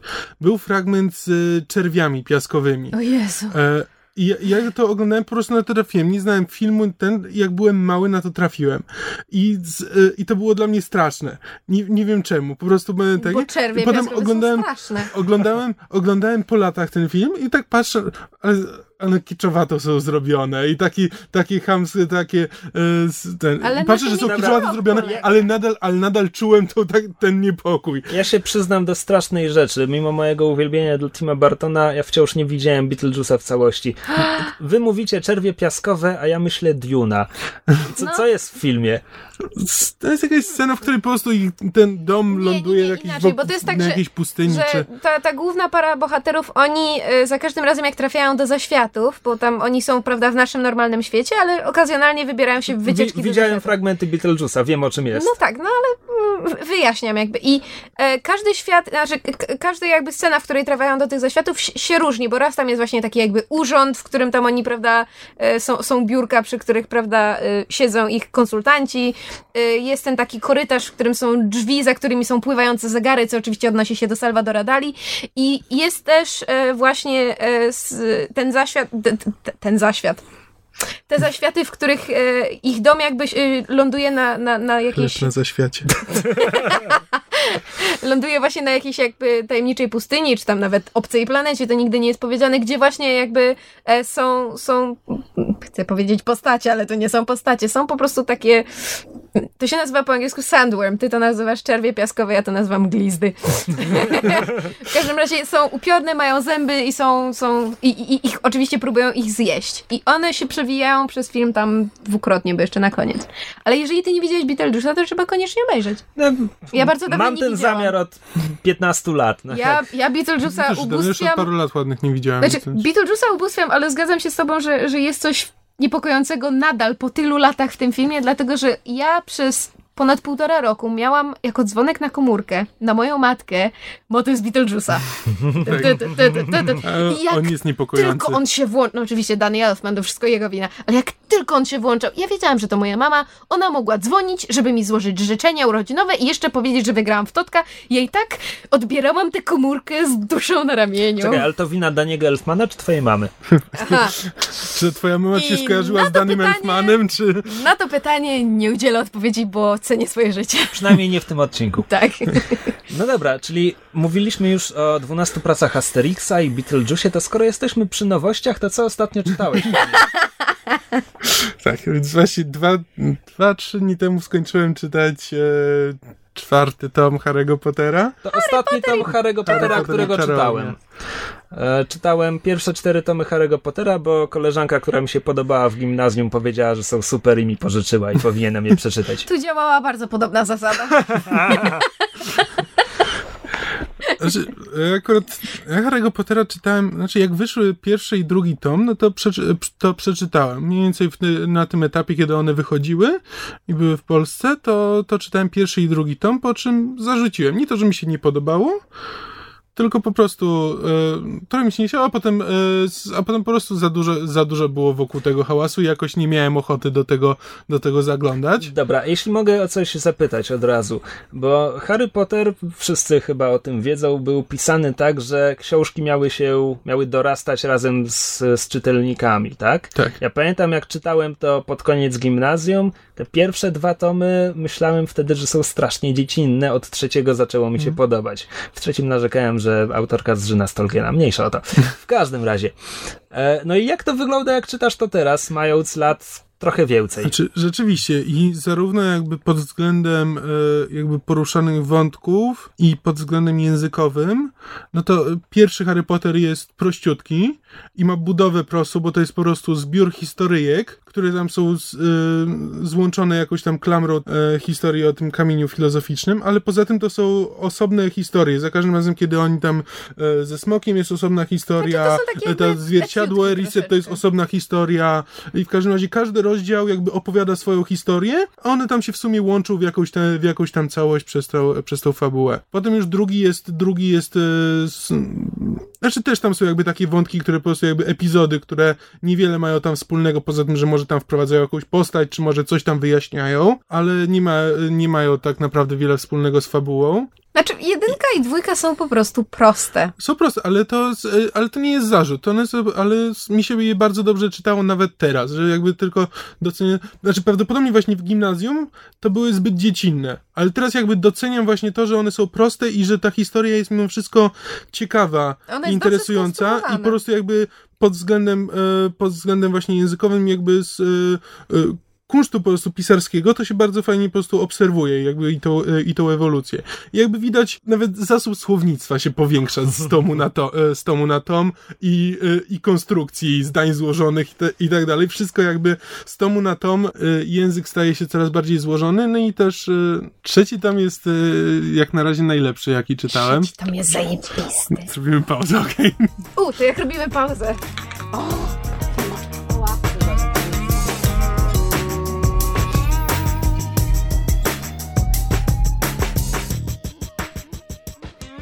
Dobrze, Harry tak Potter. więc Harry Potter, trzecia część najfajniejsza. Harry Potter, mówisz, trzecia część najfajniejsza e, z pierwszych czterech. W ogóle ze wszystkich moim zdaniem jest najfajniejszy. No ja na razie się nie, nie wypowiadam Nie no, o, z, z, o pozostałych, bo jeszcze nie, nie A przeczytałem. potem są jeszcze trzy, tak? Mm, Cztery. Jest, Jest siedem. osiem tomów? Siedem. No to po, po tych czterech A są nie, myślałam, trzy. że, że mówimy o trzech. Że po tej trzeciej są jeszcze cztery. No, w każdym razie czwarta jak na razie mi się najmniej podobała. Najmniej w porównaniu z pierwszą i drugą? W porównaniu z pierwszą i drugą nawet podobała mi się najmniej. E, znaczy tak, e, jako całość podobała mi się najmniej. Bo pierwsze trzy czwarte książki to jest e, to jest na zmianę e, high school drama, czyli e, będzie się odbywał bal i teraz Ron i Harry muszą zaprosić kogoś na bal. Biorąc pod uwagę E. wiek bohaterów, to chyba wciąż jest middle school drama. E, No, ale, Ale ale, e, ale, rozgrywa, ale się jak high school drama. W każdym razie muszą się teraz uporać z, z dziewczy, dziewczynkami i A, różnymi czekaj. dziwnymi uczuciami To, z tym to, związanymi. to wtedy Harry Potter zaczyna się interesować seksowną Azjatką, tak? Dobrze tak, pamiętam. tak. E, Cho, jak ona miała na imię? Cho Chang. Cho Chang. Jeśli dobrze kojarzę końcówkę filmu, który złapałem na HBO, ona chyba nawet przy... O nie, czekaj, nie chcę spoilerować. Siedź cicho. E, no, w każdym razie z, e, i, na, e, i ten high school drama jest na zmianę z em, turniejem, to Triwizard e, Tournament. Tournament, jak to się po polsku nazywało? Ty, bodajże turniej, Turniej trój- trójmagiczny. trójmagiczny. Trójmagiczny, no Tak, bo właśnie. Kamil, Kamil czytał jedynkę, dwójkę i trójkę po, po, angielsku, angielsku, a teraz się przerzucił na, na czwórkę po Nie, polsku. pi- na piątkę się A, przerzuciłem e, po po polsku. polsku. Do, do I- czwórki Czy, czytałem, czytasz już piątkę? Teraz czytam już Zaczął piątkę i piątkę. tak, e, ale dosłownie I zacząłem. dostałam ostatnio SMS-a pod tytułem Myszu, co to jest harłach, bo ja nie wiem. Tak, bo mi się nagle pojawiło słowo Tak, harłak. ono się wcześniej Ono się nie pojawia nawet, bo potem sprawdziłem, że to jest squib po, e, po angielsku i w ogóle nie kojarzę tego w pierwszych czterech Tak, bo to się, częściach. ta koncepcja Więc- się pojawiła a, sporo e, później. A jakby mówili, te, mówili o tym tak, jakby to już było wcześniej wprowadzone, więc dlatego mnie zdziwiło. Em, no, ale mniejsza o to. W każdym razie czwórka z, jest ten turniej trójmagiczny i tak naprawdę mm, no okej, okay, no coś tam się dzieje podczas tego turnieju. Znaczy on jest strasznie rozwleczony. Tak, tylko że to wszystko, zupełnie nie widzę powodu, dla którego to wszystko trwa, trwa tyle, ile trwa mać. Um, Trwa mać? Du, duch jakiejś dziewczynki, która podgląda chłopców w kąpieli, to też w tej części? E, tak, tak, też w tej Morning, części. To są dziwne książki. Jęcząca Marta. dziwne książki. Mm. Dobrze mówię jęcząca Marta? Chyba tak, Chyba tak ja to czytałem po polsku wersja. dawno No temu. właśnie. Ja różne części czytałam naprzemiennie, więc... W każdym razie no, przez, przez pierwsze trzy czwarte książki, no to ta akcja jest rozwleczona i o ile w pierwszych trzech to zawsze było na początku pojawiała się jakaś tajemnica i później przez całą książkę były podawane kolejne wskazówki, czasami jakiś red herring, coś co miało zbić z tropu, yy, czasami, czasami coś rzeczywiście i w każdym razie i przez całą książkę mogłeś się zastanawiać nad tym, co się właściwie dzieje i do czego to prowadzi. A tutaj jest tak, że na początku yy, ginie ta yy, pani jakaś tam z ministerstwa, z ministerstwa magii, E, e, Berta Jorkins, coś takiego. A, by jest Skoro, coś takiego. skoro tak mówisz. Że w każdym razie, że nikt nie wie, co się z nią dzieje. My wiemy, że, że on ma jakiś związek z Voldemortem, bo na początku jest, na początku jest wizja Harego, którym on widzi tam Voldemorta i coś tam, coś tam. W każdym razie wiemy, że to ma jakiś związek z Voldemortem. I ta, i ta cała zagadka polega po prostu na tym, że co jakiś czas w książce ktoś przypomina, że istniał, istniał ktoś taki jak Berta Jorkins i on zaginął. Wiem, przypomniało mi się, przepraszam, przepraszam, że ci przerywam. E, bo była jedna rzecz, którą ja ci bardzo chciałam powiedzieć, bo uznałam, uważam, że uznasz to za bardzo fajny e, myk ze strony e, właśnie J.K. Rowling, który świadczy o tym, że ona naprawdę miała tę serię przemyślaną do końca. Od początku niemalże do końca miała rozplanowane, co, co jak z tym zrobić. Mianowicie w czwórce pojawia się wąż Voldemorta, prawda? Tak. To, to dziwnie brzmi. Wąż Voldemorta jest Snake. Ona się nazywa Nagini. Tak. Teraz Jak? Nagini. Nagini. Nagini. I wyobraź sobie, że Nagini, wąż Voldemorta, jest dokładnie tym samym wężem, którego w pierwszej części Harry ura, u, uwalnia w zoo. To jest ten wąż. Kiedy ja się o tym Dobra, dowiedziałam, Czekaj, ale to, że to jest ten wąż, je, zostaje podane co w książce numer 6 czy 7? wiesz co, nie pamiętam, chyba tak, ale to jakby nie Znaczy, jest... zmierzam do tego, że to może być istotne.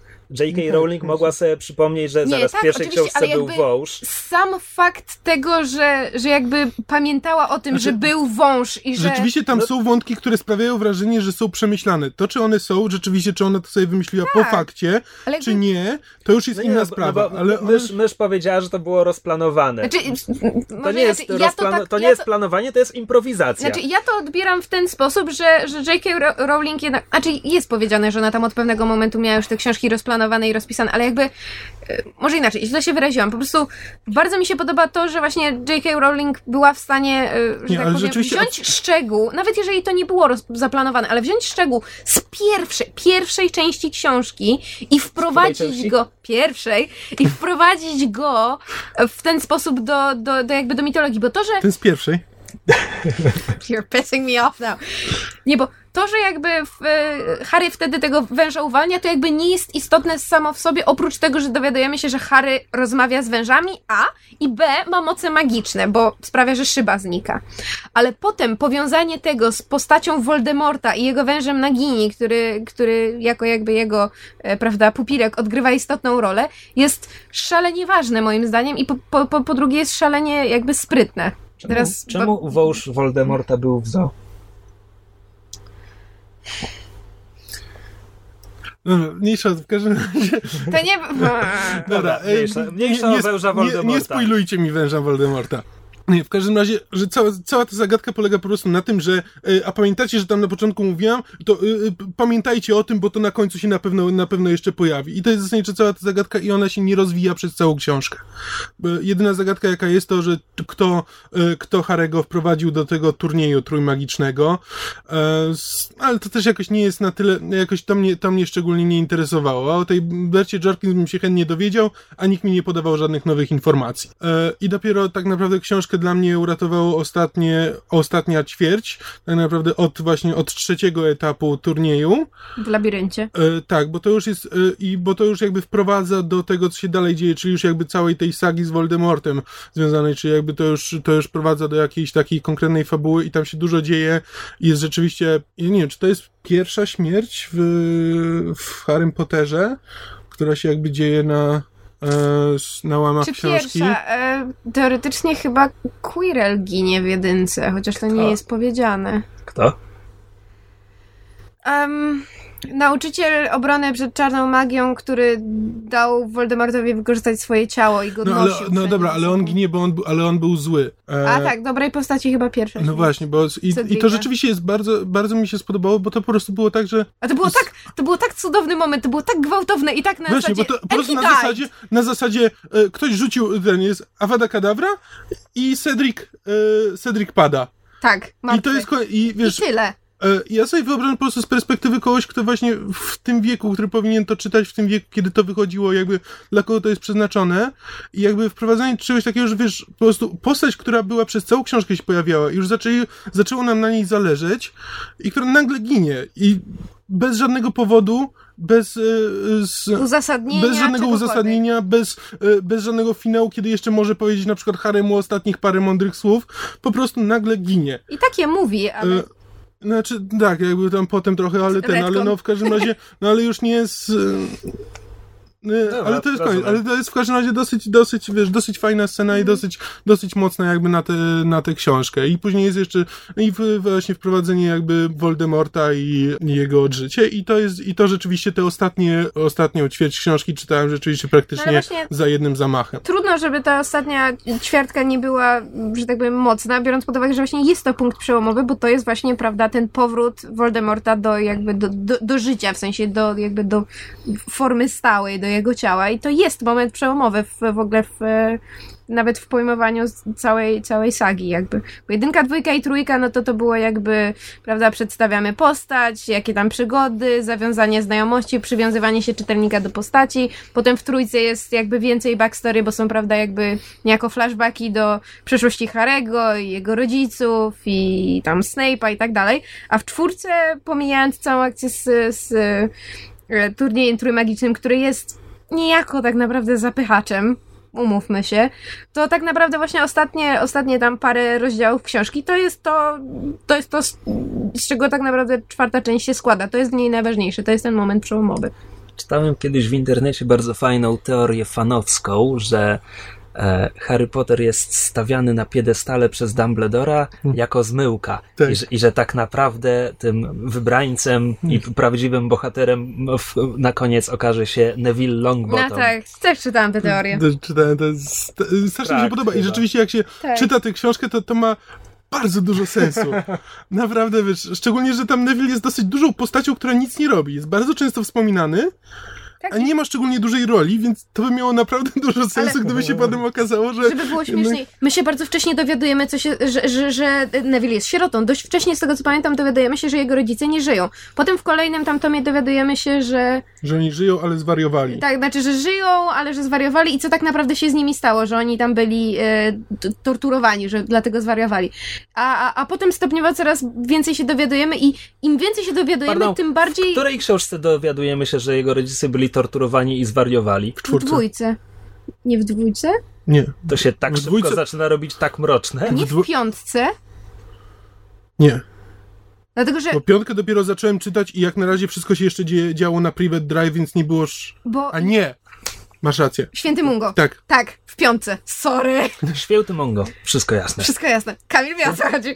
Kamil Słuchacze wie, o co też wiedzą chodzi. o co chodzi. E, W piątej części, bodajże, teraz z Kamilem już kompletnie się zgubiliśmy, ale bodajże w piątej części odwiedzamy szpital świętego Munga. Nie, to jeszcze, jeszcze przed tym, bo najpierw, y, bo y, ja nie miałem żadnego jeszcze szpitala świętego Munga, mówię, na razie wszystko się działo na Private Drive i po prostu ktoś mówi y, Haremu o właśnie o rodzicach Aha. Neville'a i on właśnie, y, i są całe rozważania Harry'ego nad, że w sumie to jego rodzice nie żyją, on ich nigdy nie poznał i że tak naprawdę to musi być dla Neville'a jeszcze gorsze, że on ich odwiedza, że on ich odwiedza regularnie i po prostu widuje, widuje tych tak. rodziców, tak, i a nie może nawet z nimi nawiązać żadnego kontaktu. Tak. Przepraszam, ty święty Mungo to jest katolicki święty? Nie. Szczerze wątpię. Nie mam pojęcia. Czemu jest A, ale a propos, a propos wracania pewnych motywów, to bardzo właśnie w piątce ci się spodoba. y, W każdym razie w Świętym Mungu spotkasz znajomą postać. Okej. Uwaga, spoiler. Brzmi jak horoskop. You meet a tall, dark stranger. No dobra, coś jeszcze o Harrym Potterze, czy wystarczy o Harrym Potterze? E, Przynajmniej jak na Jakieś razie słowo, wystarczy słowo, słowo na koniec o Harrym Potterze, żeby zamknąć ten wątek. do... Słowo na koniec o Harrym Potterze. Jest Znaczy, fajny, jest popularny. Znaczy, ale tak, ale dla każdego. Ja, ja przegapiłem zupełnie Harry'ego Pottera w wieku, w którym powinienem był go czytać. Nawet teraz, nawet teraz czyta się go, czyta się go bardzo fajnie, nawet jeśli pod kątem właśnie tego, e, jak jest, prowadzo, jak jest prowadzona ta historia i, e, i, i jak ona dorasta. I to, I to rzeczywiście warto, nawet jeśli ktoś czy, jeśli nie czytał, to na pewno powinien przeczytać, bo to jest duża część, duża część kultury i, na, i poza tym dobra książka, więc warto przeczytać, a nawet jeśli czytał, to z perspektywy czasu też, też by na pewno będzie ciekawe w jaki sposób teraz to na niego oddziałuje, jak i wtedy, więc no. Hmm. Tyle mogę powiedzieć Ja na przykład bardzo, bardzo bym chciała wrócić do Harry'ego, bo ja przeczytałam znaczy jedynkę i dwójkę czytałam może ze trzy razy, trójkę czytałam z siedem, czwórkę trzy razy, piątkę, szóstkę i siódemkę chyba po razie. Bo one już były stosunkowo grube i potem jakby już nie, do, do nich nie wracam. A Przepraszam, siedem razy czytałaś trzecią część? tak, bo jest y, zajebista, a poza tym ja trójkę czytałam i jako jedną z niewielu części najpierw po angielsku i podobała mi się o wiele bardziej niż polska. Poza tym trójka, tak jak mówiłam, według mnie, Kamil mówi, że trójka w, w, w, z tych czterech części, które przeczytał, trójka jest najlepsza. A ja nadal uważam, że w Siedmioksięgu, w, całym e, w, w całej serii o Harrym Potterze, trójka jest najlepsza. E, pomijam, że po prostu bardzo też lubię postać Syriusza. I w ogóle całe, cała jakby, y, cała akcja trójki mi się bardzo podoba i właśnie te wszystkie flashbacki, to co się dowiadujemy o, o przeszłości rodziców Harego i o, o tych, o maruderach. Czy tam jak to było po polsku, nie pamiętam jak to było po polsku. E, Co? Mówimy Kto? o tych w czarnych płaszczach? Nie, to były śmieciożercy. Nie, e, e, Nie, a śmieciożercy to byli poplecznicy Voldemorta. tak. Śmie- śmiercią, że jest. Ś- Śmierć. Ale to jest popularny błąd. Popularny błąd. Tu się Polkowski nie popisał. Czyli Nie, mówisz e, o, o- tych e, strażnikach Azkabanu. Nie, dementorzy. Jasna. Maruderzy To to nie są... wiem, o czym ty mówisz. Maruderzy to są ci od mapy, czyli Huncwoci. Już, wróciło. Mapa Huncwotów. Huncwoci to byli, em, To był wątek w trzeciej części? tak, Tam się pojawia czapka niewidka? Peleryna niewidka i ona się pojawia w Peleryna jedynce. niewidka się pojawia w jedynce, a potem Harry Mapa, dostaje mapę, w, na której Mapa. widzi wszystkich. I mapa została stworzona Zobaczcie. przez, jak się potem okazuje, jego ojca, Remusa Lupina, Siriusza Blacka i tego Petera Pettigrew. I oni wspólnie się nazywali Huncwoci. W każdym razie właśnie też bardzo lubię, bardzo, bardzo lubiłam zawsze Huncwotów i to, co się o nich dowiadujemy i te ich flashbacki do, do lat szkolnych i też poda- poznajemy młodego Snape'a. Uważałam, że Trójka jest po prostu bardzo fajnie poprowadzoną e, książką, w której się dużo dzieje, a ona jest stosunkowo em, e, krótka, znaczy jest stosunkowo niewielka, niewielki ma... Tak, właśnie- W porównaniu z to- czterema. Ale właśnie to był w mój problem z z czwórką. Tak, właśnie czwórka była jest znacznie dłuższa, a znacznie mniej się w niej dzieje. Tak. Trójka jest ściśnięta, ale jest, trójka jest bardziej zwarta po prostu. I właśnie cały bardzo, czas coś bardzo dzieje. dużo się w, niej, w, się w niej dzieje i moim zdaniem trójka jest, trójka jest najlepsza. Ja tak zapytałem o tę siedmiokrotną lekturę, bo próbuję sobie przypomnieć, jaką książkę przeczytałem najwięcej razy i, i ile to było i wychodzi mi, że tam moje ulubione części świata dysku czytałem pewnie po 4-5 razy. Najwięcej co Zaczynając w przeczytałem to... podstawówce. Władcy Pierścieni czytałem... Władcy Pierścieni mogłem czytać nawet 7 razy. Ja tylko ja amerykańskich bogów czytałem trzy razy. Jesteście chyba dziwni.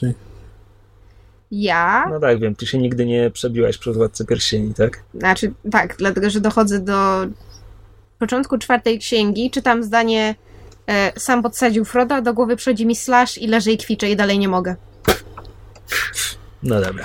Ale to jest, to jest moje, moje, moje, że tak powiem... Tłumaczenie było konsultowane z Tolkienem. To już tylko twój problem. Tak, to już tylko. A ja, ja nie twierdzę, że to jest e, czyjkolwiek problem, e, tylko i wyłącznie mój. Ale na przykład ja, mimo że od dobrych paru lat nie robiłam sobie e, powtórki z sapka, Ja Haj też dawno nie czytałam, ale swego czasu Ahaje Ziemiańskiego i całe siedmiu ksiąg Sapka od, od opowiadań aż po Panią Jeziora czytałam raz do roku, od początku do końca przez dobrych naście lat. Ja kiedyś miałem taki zwyczaj jak ten e, Saruman, Christopher Lee, że do władcy wracałem co roku. No. No ale to była powiedzmy podstawówka gimnazjum. Tak? Nie, jest, jest jeszcze chyba parę książek, które czytałam e, powiedzmy siedem razy i wzwyż. Jest jedna książka, którą pamiętam bardzo wyraźnie, chyba gdzieś zginęła w powrocie dziejów. Naz- nazywało się to Tajemnica Selbiego i była o gadającym psie. O psie, który nauczył się czytać i gadać. Po prostu leżał na gazetach i uczył się ich czytać, a potem nauczył się, na, nauczył się mówić i musiał to ukrywać przed swoimi właścicielami. I ja w wieku lat 9 zaczytywałam się ksi tą książką. Ona jest cudowna, jak ją kiedyś znajdę, to kupię dla swoich dzieci. To Ale- jest absolutnie urocze. Ale, ale język psa jest zbyt cienki, żeby formować ludzkie głoski. Wiem, ale to była tak słodka książka, tak fajna. A to jeszcze Małego Księcia czytałem z 10 razy albo i więcej, ale to Tak. nie jest trudne. Um, A małego księcia czytam. Chyba za późno zabrałem się za małego księcia. Może jakbym go przeczytał małym Może. to... Ja go czytałem jak byłem mały, zrobił na mnie duże wrażenie i potem bardzo z, z dużą przyjemnością do niego wracałem. Pamiętam, że się przykro kończy.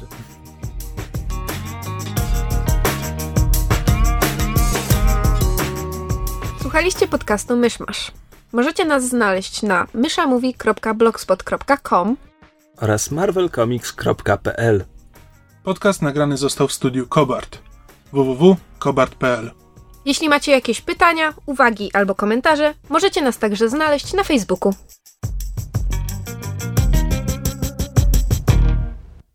Widzieliście statystyki pobierania pierwszego odcinka?